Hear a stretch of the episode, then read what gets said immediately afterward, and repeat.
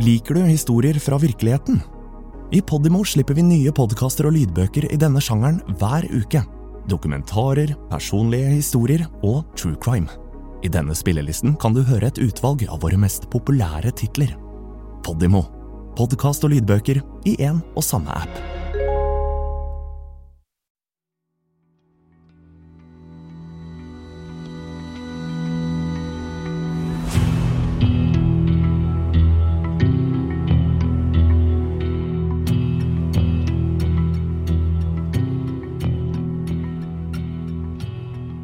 Onsdag 28. august 2013. Det er ettermiddag, og i en liten hybelleilighet i Roald Amundsens vei i Ålesund sitter en 23 år gammel mann og spiller Payday på PlayStation. Spillet er et førstepersons skytespill som handler om å rane banker. Klokka kvart på fire står han fast i et oppdrag i spillet og tar frem mobiltelefonen sin. How to rob, skriver han i søkefeltet på YouTube. En halvtime senere lagrer han spillet før han slår av og forlater leiligheten. Med seg har han mobiltelefonen sin og en softgun-pistol, en replika av en Glock modell 17. Han er kledd i en stor, sort hettejakke og caps. En drøy time senere, klokka halv seks, blir en mann med stor, sort hettejakke og solbriller observert utenfor Pluto kiosk i Ålesund, litt over en halvtimes gåtur østover fra Roald Amundsens vei 15. Klokka 17.48 går ransalarmen. Da står mannen med hettejakka overfor den ansatte i kiosken med pistolen i høyre hånd rettet mot henne. Give me the money, give me the money, sier mannen på gebrokken engelsk. Når ransalarmen utløses, løper han tomhendt nordover, inn mot en kirkegård, videre opp Ørnetua og vestover langs Akslafjellet i retning Ålesund sentrum. Samtidig, på en av de mange turstiene i det populære byfjellet, hvor turister hver dag tar vakre bilder av Jogenbyen, legger en 21 år gammel student fra Bergen ut på joggetur. Du hører på Norges strengeste straffer. Jeg heter Hanna Klingberg.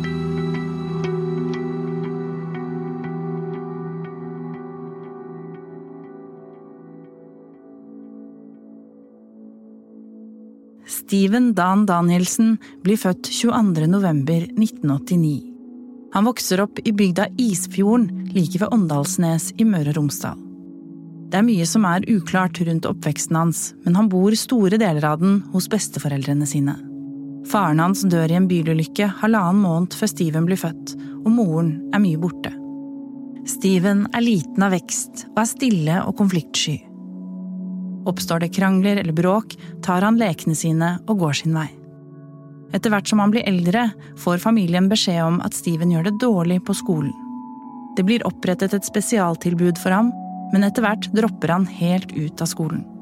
Han begynner tidlig å ruse seg, og rusproblemene henger ved ham gjennom hele ungdomstiden. Når han er 13 år, begynner han å røyke hasj. Som 15-åring eskalerer problemene og rusmidlene, og han begynner å bruke amfetamin jevnlig. I 2009, 20 år gammel, starter han på bygg- og anleggsfag på Romsdal videregående skole i Molde, men slutter allerede etter noen uker å møte opp. Når julen ringes inn samme år, har han offisielt droppet ut av skolen. Etter dette går Steven til og fra ulikt arbeid, med vekslende oppmøte og hell.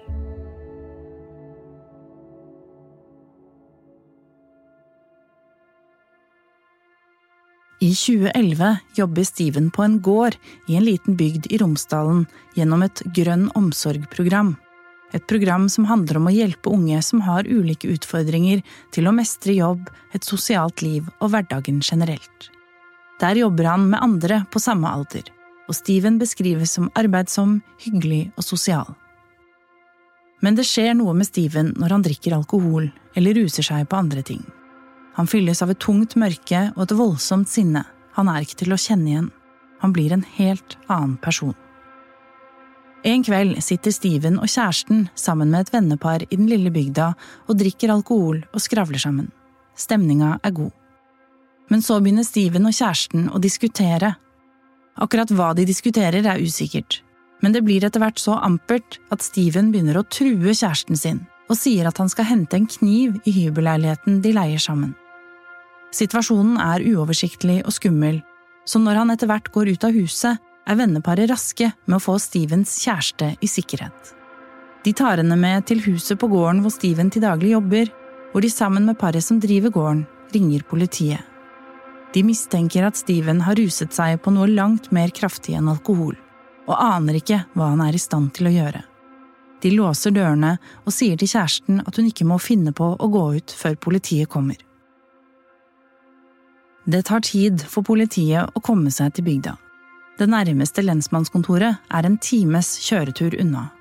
Og med en sterkt beruset mann med kniv luskende utenfor husveggene sitter de tre festdeltakerne og de to gårdeierne rolig i huset hvor de har søkt tilflukt. Kjæresten til Steven beveger seg omsider mot toalettet. Hun blir borte lenge. Mistenkelig lenge. Gjengen som sitter i stua, blir bekymret og mistenker at hun har gått ut av huset. Idet de ser ut, bekreftes mistanken.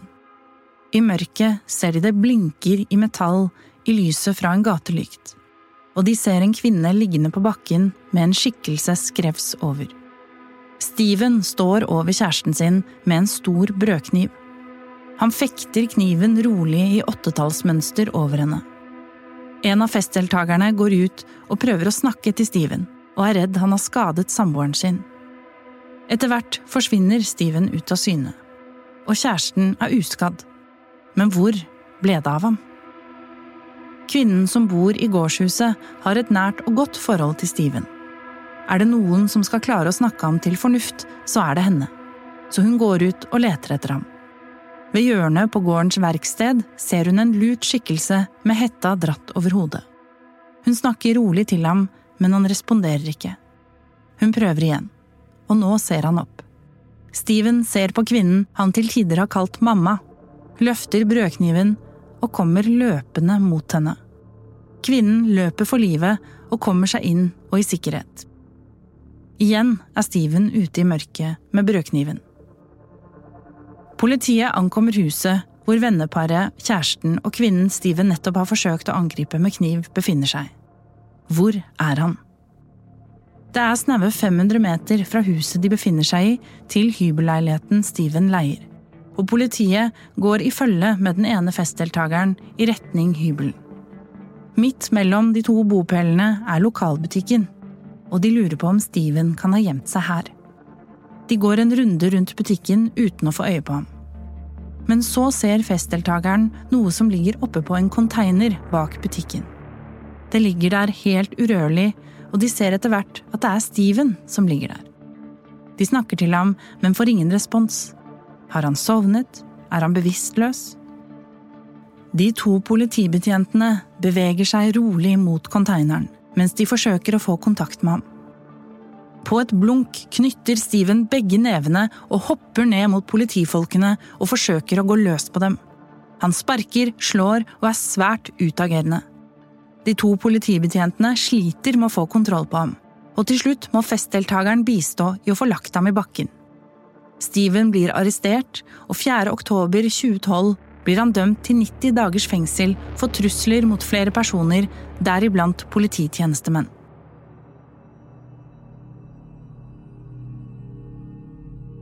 Stevens rusproblemer blir stadig verre.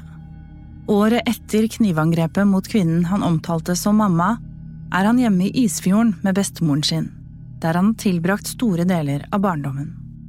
Steven og bestemoren har alltid stått hverandre nær. Han har aldri vært voldelig eller utagerende mot henne før, men tredje juledag 2012 rakner det. Han slår til mormoren sin i ansiktet, før han senere faller om på sofaen. Mormoren tilkaller politiet, som ankommer boligen klokka ett om natten. Ettersom det virker som Steven er bevisstløs, blir også ambulanse tilkalt. Når Steven etter hvert våkner, forsøker bestefaren hans å snakke barnebarnet sitt til fornuft. Steven reagerer med et voldsomt raseri og slår til ham. De to politibetjentene klarer heller ikke å snakke den nå 22 år gamle mannen til fornuft, og må til slutt gripe inn med makt. De oppfatter situasjonen så truende at det blir nødvendig å rekvirere en ekstraferge på veien fra Isfjorden til politistasjonen i Molde fremfor å risikere en lang kjøretur. I politibilen er Steven aggressiv overfor de to politibetjentene og truer dem grovt. Jeg skal dra til skolen hvor dattera di går og voldta henne. Jeg skal drepe hele familien din. I tillegg til flere fraser av en grov, seksualisert og voldelig karakter. Mens han venter på at denne saken skal komme for retten, dømmes Steven i januar 2013 til 21 dagers fengsel for et tidligere forhold. Også dette handler om trusler mot politiet, i tillegg til legemsfornærmelse av sin tidligere samboer. Før soningen legges Steven inn til avrusning på en institusjon i Trondheim. Programmet skal vare i 18 måneder. Men i mars, bare to måneder senere, skriver Steven seg ut. Han mener han nå er rehabilitert.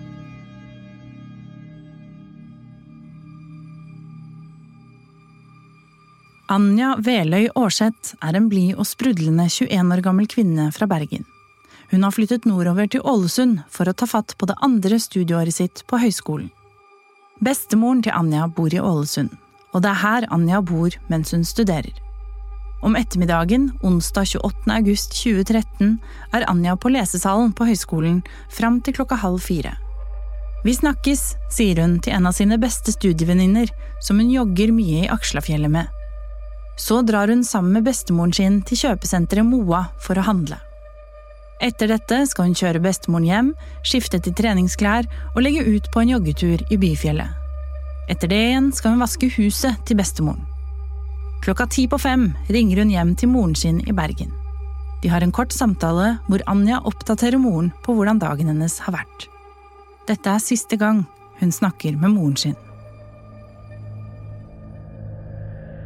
Anja drar fra Moa kjøpesenter klokka fem over halv seks.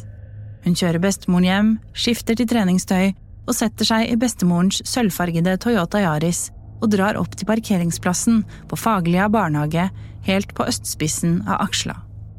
Klokka har nå blitt kvart over seks, og Anja legger ut på joggeturen på de fine turstiene vestover i retning Fjellstua, det populære utsiktspunktet over Ålesund. Rundt et kvarter senere står en mann med en stor, sort hettejakke og caps bak et tre på turstien, drøye 100 meter øst for utkikkspunktet som Anja er på vei til. I hånda holder han en replika av en pistol, typen Glock modell 17. Anja kommer joggende på stien og er snart fremme ved utkikkspunktet hvor det er naturlig å snu for å løpe tilbake. Plutselig hopper en mann inn foran henne og truer henne med seg ned i terrenget som er tett med kratt og uten innsyn fra turstien. Anja er livredd, men den mislykkede ransmannen viser ingen nåde. Han voldtar henne før han kveler henne. Steven dekker til kvinnen han akkurat har drept, med grener, kvister og planter, før han setter kursen hjemover mot sin egen hybelleilighet, kun 700 meter fra åstedet. På vei hjemover, en snau halvtime etter at han voldtok og drepte 21 år gamle Anja, sender Steven en melding til en venninne og spør hva hun driver med. Like etter ringer han den samme kvinnen, og de prater sammen i to minutter om helt hverdagslige ting. Steven kommer hjem til leiligheten han leier i Roald Amundsens vei. Han er nervøs, og adrenalinet pumper. Man forsøker så godt det lar seg gjøre å oppføre seg normalt overfor vennene han chatter med utover kvelden. Samme kveld brenner han klærne han hadde på seg i et lite skogholt i nærheten. Han er våken hele natta. Dagen etter, torsdag 29. august 2013, våkner Anjas bestemor og er bekymret. Bilen hennes er borte, og det er ingen på rommet til barnebarnet. Hun ringer Anjas mor, som straks skjønner at noe er galt. De kontakter politiet i Ålesund, men blir bedt om å melde henne savnet gjennom politiet i Bergen. Når Anja formelt melder savnet, iverksettes en storstilt leteaksjon i Byfjellet i Ålesund. Den sølvfargede Toyotaen til bestemoren står der den ble parkert dagen før, men det er ikke spor etter Anja. Samtidig, i en liten hybelleilighet ikke langt unna, er Steven nervøs og rastløs for hva som skjedde dagen før. Han bestemmer seg for å reise tilbake til åstedet for å se om kvinnen som er meldt savnet, virkelig er død. Han passerer åstedet to ganger, og konstaterer at han faktisk har voldtatt og drept en tilfeldig forbipasserende, en ung kvinne. Anjas foreldre reiser samme kveld nordover for å bistå i leteaksjonen etter datteren. Tross den store innsatsen kommer ikke svaret før to dager senere, lørdag 31. august. Klokka ett varsler politiet at de har gjort et funn rett nedenfor en av de mange populære turstiene i byfjellet. Det er en død kvinne.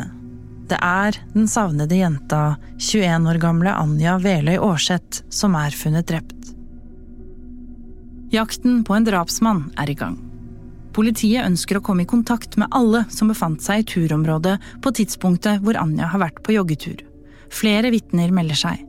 Deriblant en pensjonert politimann som har observert en ung mann med caps, stor svart hettejakke gående fra åstedet kun minutter etter at Anja ble drept.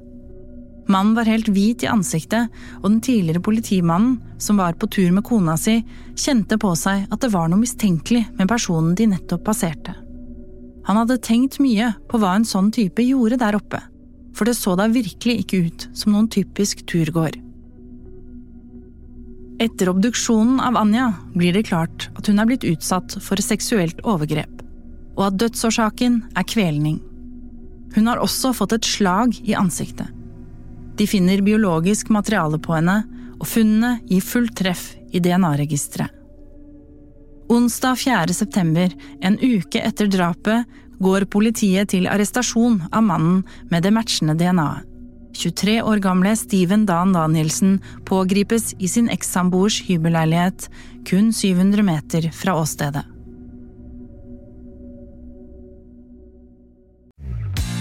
Hei! Har du lyst til å høre mer som denne podkasten, men helt reklamefritt? Da vil jeg anbefale deg å laste ned Podimo-appen for en gratis prøveperiode. Ikke bare finner du kvalitetspodkaster innen alle sjangere, men også flere av de mest populære lydbøkene. Alt sammen i Podimo-appen.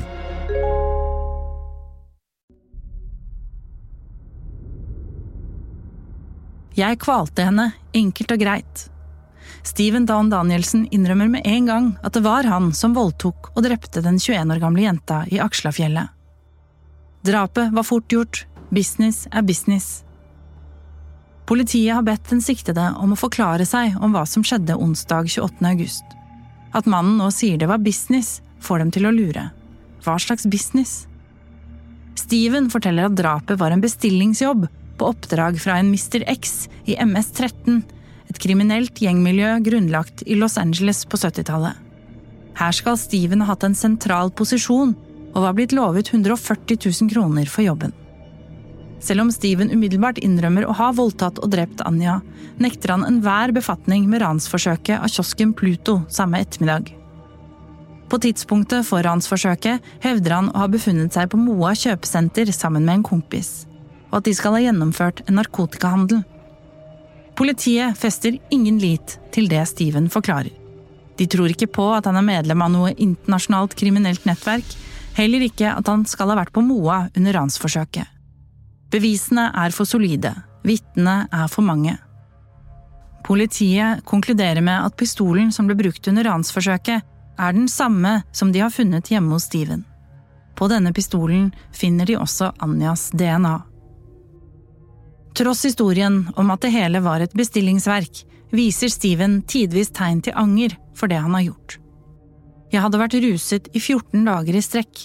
Jeg angrer på at jeg drepte henne, hun skulle aldri løpt forbi. Han forteller at han aldri hadde sett Anja før, at han ikke ante hvem hun var. Hun var et tilfeldig offer, på feil plass til feil tid. Avhørene av Steven fortsetter, men politiet sliter med å få ham til å forklare seg nøyaktig om bevegelsene sine på den aktuelle dagen hvor ugjerningene han nå er siktet for, fant sted. De tror som nevnt ikke noe på at han ikke står bak ransforsøket av kiosken, og når han presses på denne delen, blir han tydelig irritert. Politiførstebetjent Oskar Lilleås foretar det femte og siste avhøret. Han konfronterer Steven igjen og igjen med teledata som kan bevise hans bevegelser, og at de strider mot Stevens egen forklaring. Førstebetjenten prøver også å få klarhet i en del spørsmål rundt hva som faktisk skjedde på turstien, noe Steven kun svarer kort og vagt på. Etter hvert får Steven nok, og da smeller det. Hvis du ikke slutter nå, så tar jeg denne og kjører den inn i nakken din, sier Steven rasende og hever en kulepenn fra bordet. Vaktene på utsiden er parat og klare til å gå inn, men Lilleås får kontroll på situasjonen. Det hele ender med at 23-åringen nekter å signere det siste avhøret. Stevens aggressive oppførsel stopper ikke der. For ettersom han ikke ønsker å forklare seg så grundig som politiet vil, blir det 18. oktober besluttet å reise til åstedet for en rekonstruksjon av hva som skjedde. Steven er stresset og irritert og vil dra tilbake til fengselet med en gang. Han nekter å forklare seg om voldtekten, og igjen ser han seg lei på førstebetjent Lilleås spørsmål. Hvis du ikke holder kjeft, så får du juling, sier han til politimannen.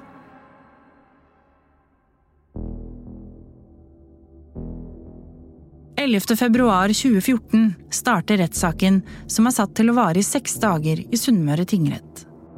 Også her blir Stevens dårlige og aggressive oppførsel et tema.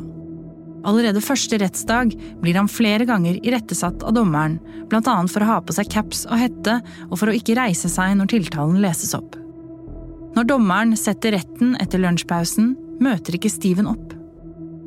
Han har fått nok. Retten tar en ny, kort pause for å få ham inn i salen igjen. Steven nekter å forklare seg, og retten bestemmer seg for å lese opp avhørene som er blitt gjort av ham.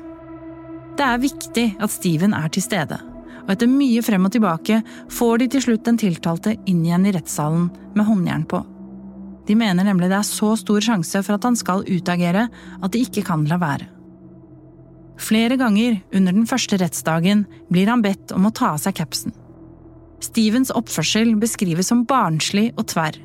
Og på skriveblokka han har foran seg, har han skrevet 'fuck the system' i store bokstaver. Steven har gitt tydelig beskjed om at han ikke kommer til å forklare seg. Han har også sagt at han ønsker å være minst mulig til stede i rettssalen. Under det første vitnets forklaringer sitter han og skjærer grimaser og rister tydelig på hodet, og blir nok en gang snakket til av dommeren.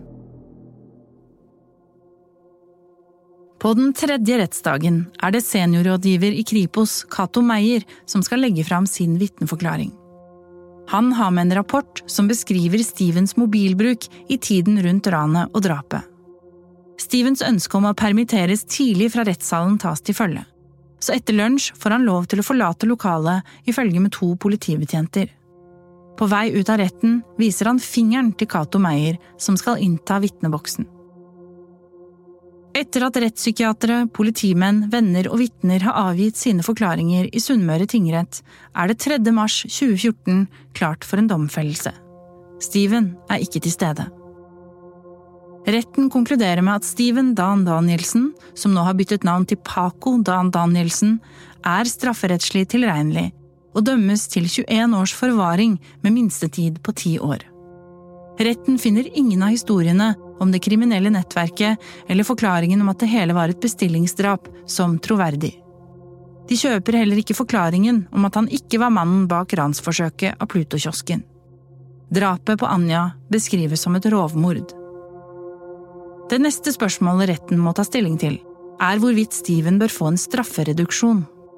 Etter å ha blitt observert og testet av rettspsykiatere konkluderer de med at Steven er lettere psykisk utviklingshemmet i rettspsykiatrisk forstand, men at han ikke oppfyller kriteriene for den internasjonale sykdomsklassifikasjonen. Vurderingene som er gjort, baserer seg blant annet på en IQ-test hvor Steven skåret 71. Normalområdet er på 100. Det konstateres at Steven lider av dyssosial personlighetsforstyrrelse og lidelser og atferdsforstyrrelser som følge av narkotikabruk. Dermed oppfylles ikke kravet for å få innvilget straffereduksjon. I dommen legges det også vekt på at det er nærliggende fare for gjentagelse eller lignende lovbrudd. Også dette mye på grunn av hans historie med narkotika. Han dømmes også til å betale oppreisning til Anjas foreldre på til sammen 400 000 kroner, i tillegg til erstatning for påførte utgifter på 130 000 kroner. Steven anker saken til lagmannsretten og har lovt å avgi en forklaring i ankesaken som følger. Men så ombestemmer han seg, og 18. september 2014 kommer dommen fra Frostating lagmannsrett. Og den opprinnelige dommen på 21 års forvaring med minstetid på 10 år består. Steven Dan Danielsen soner i Ila landsfengsel sammen med noen av landets verste forbrytere. I 2015, to år etter drapet på Anja, tiltales han på nytt for å ha truet en kvinnelig fengselsbetjent på Ila, ettersom hun sa det kunne være mulig at han skulle flyttes. Han hevet en gaffel mot henne og sa dette vil få konsekvenser for deg. Steven soner lovens strengeste straff. I fengselet tar han utdannelse og tar sikte på å bli landbruksmekaniker. I år 2023 kan han for første gang søke om prøveløslatelse. Hvorvidt han søker og om den tas til følge, gjenstår å se.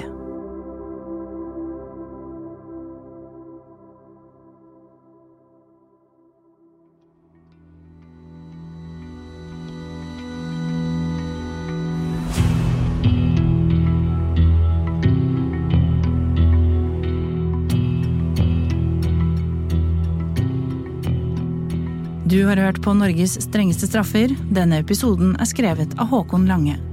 Lyddesigner er Olav Nedberget. Produsenter er Håkon Lange og Andreas Weie Rosvold. Og programleder er meg, Hanna Klingberg.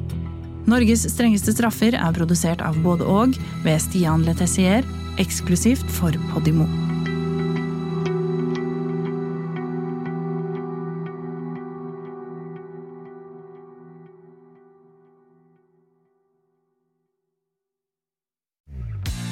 Likte du denne episoden? Så del den, da vel. Fortell en venn hva du hører på, og gi følelsen av god lytting i gave til noen du bryr deg om.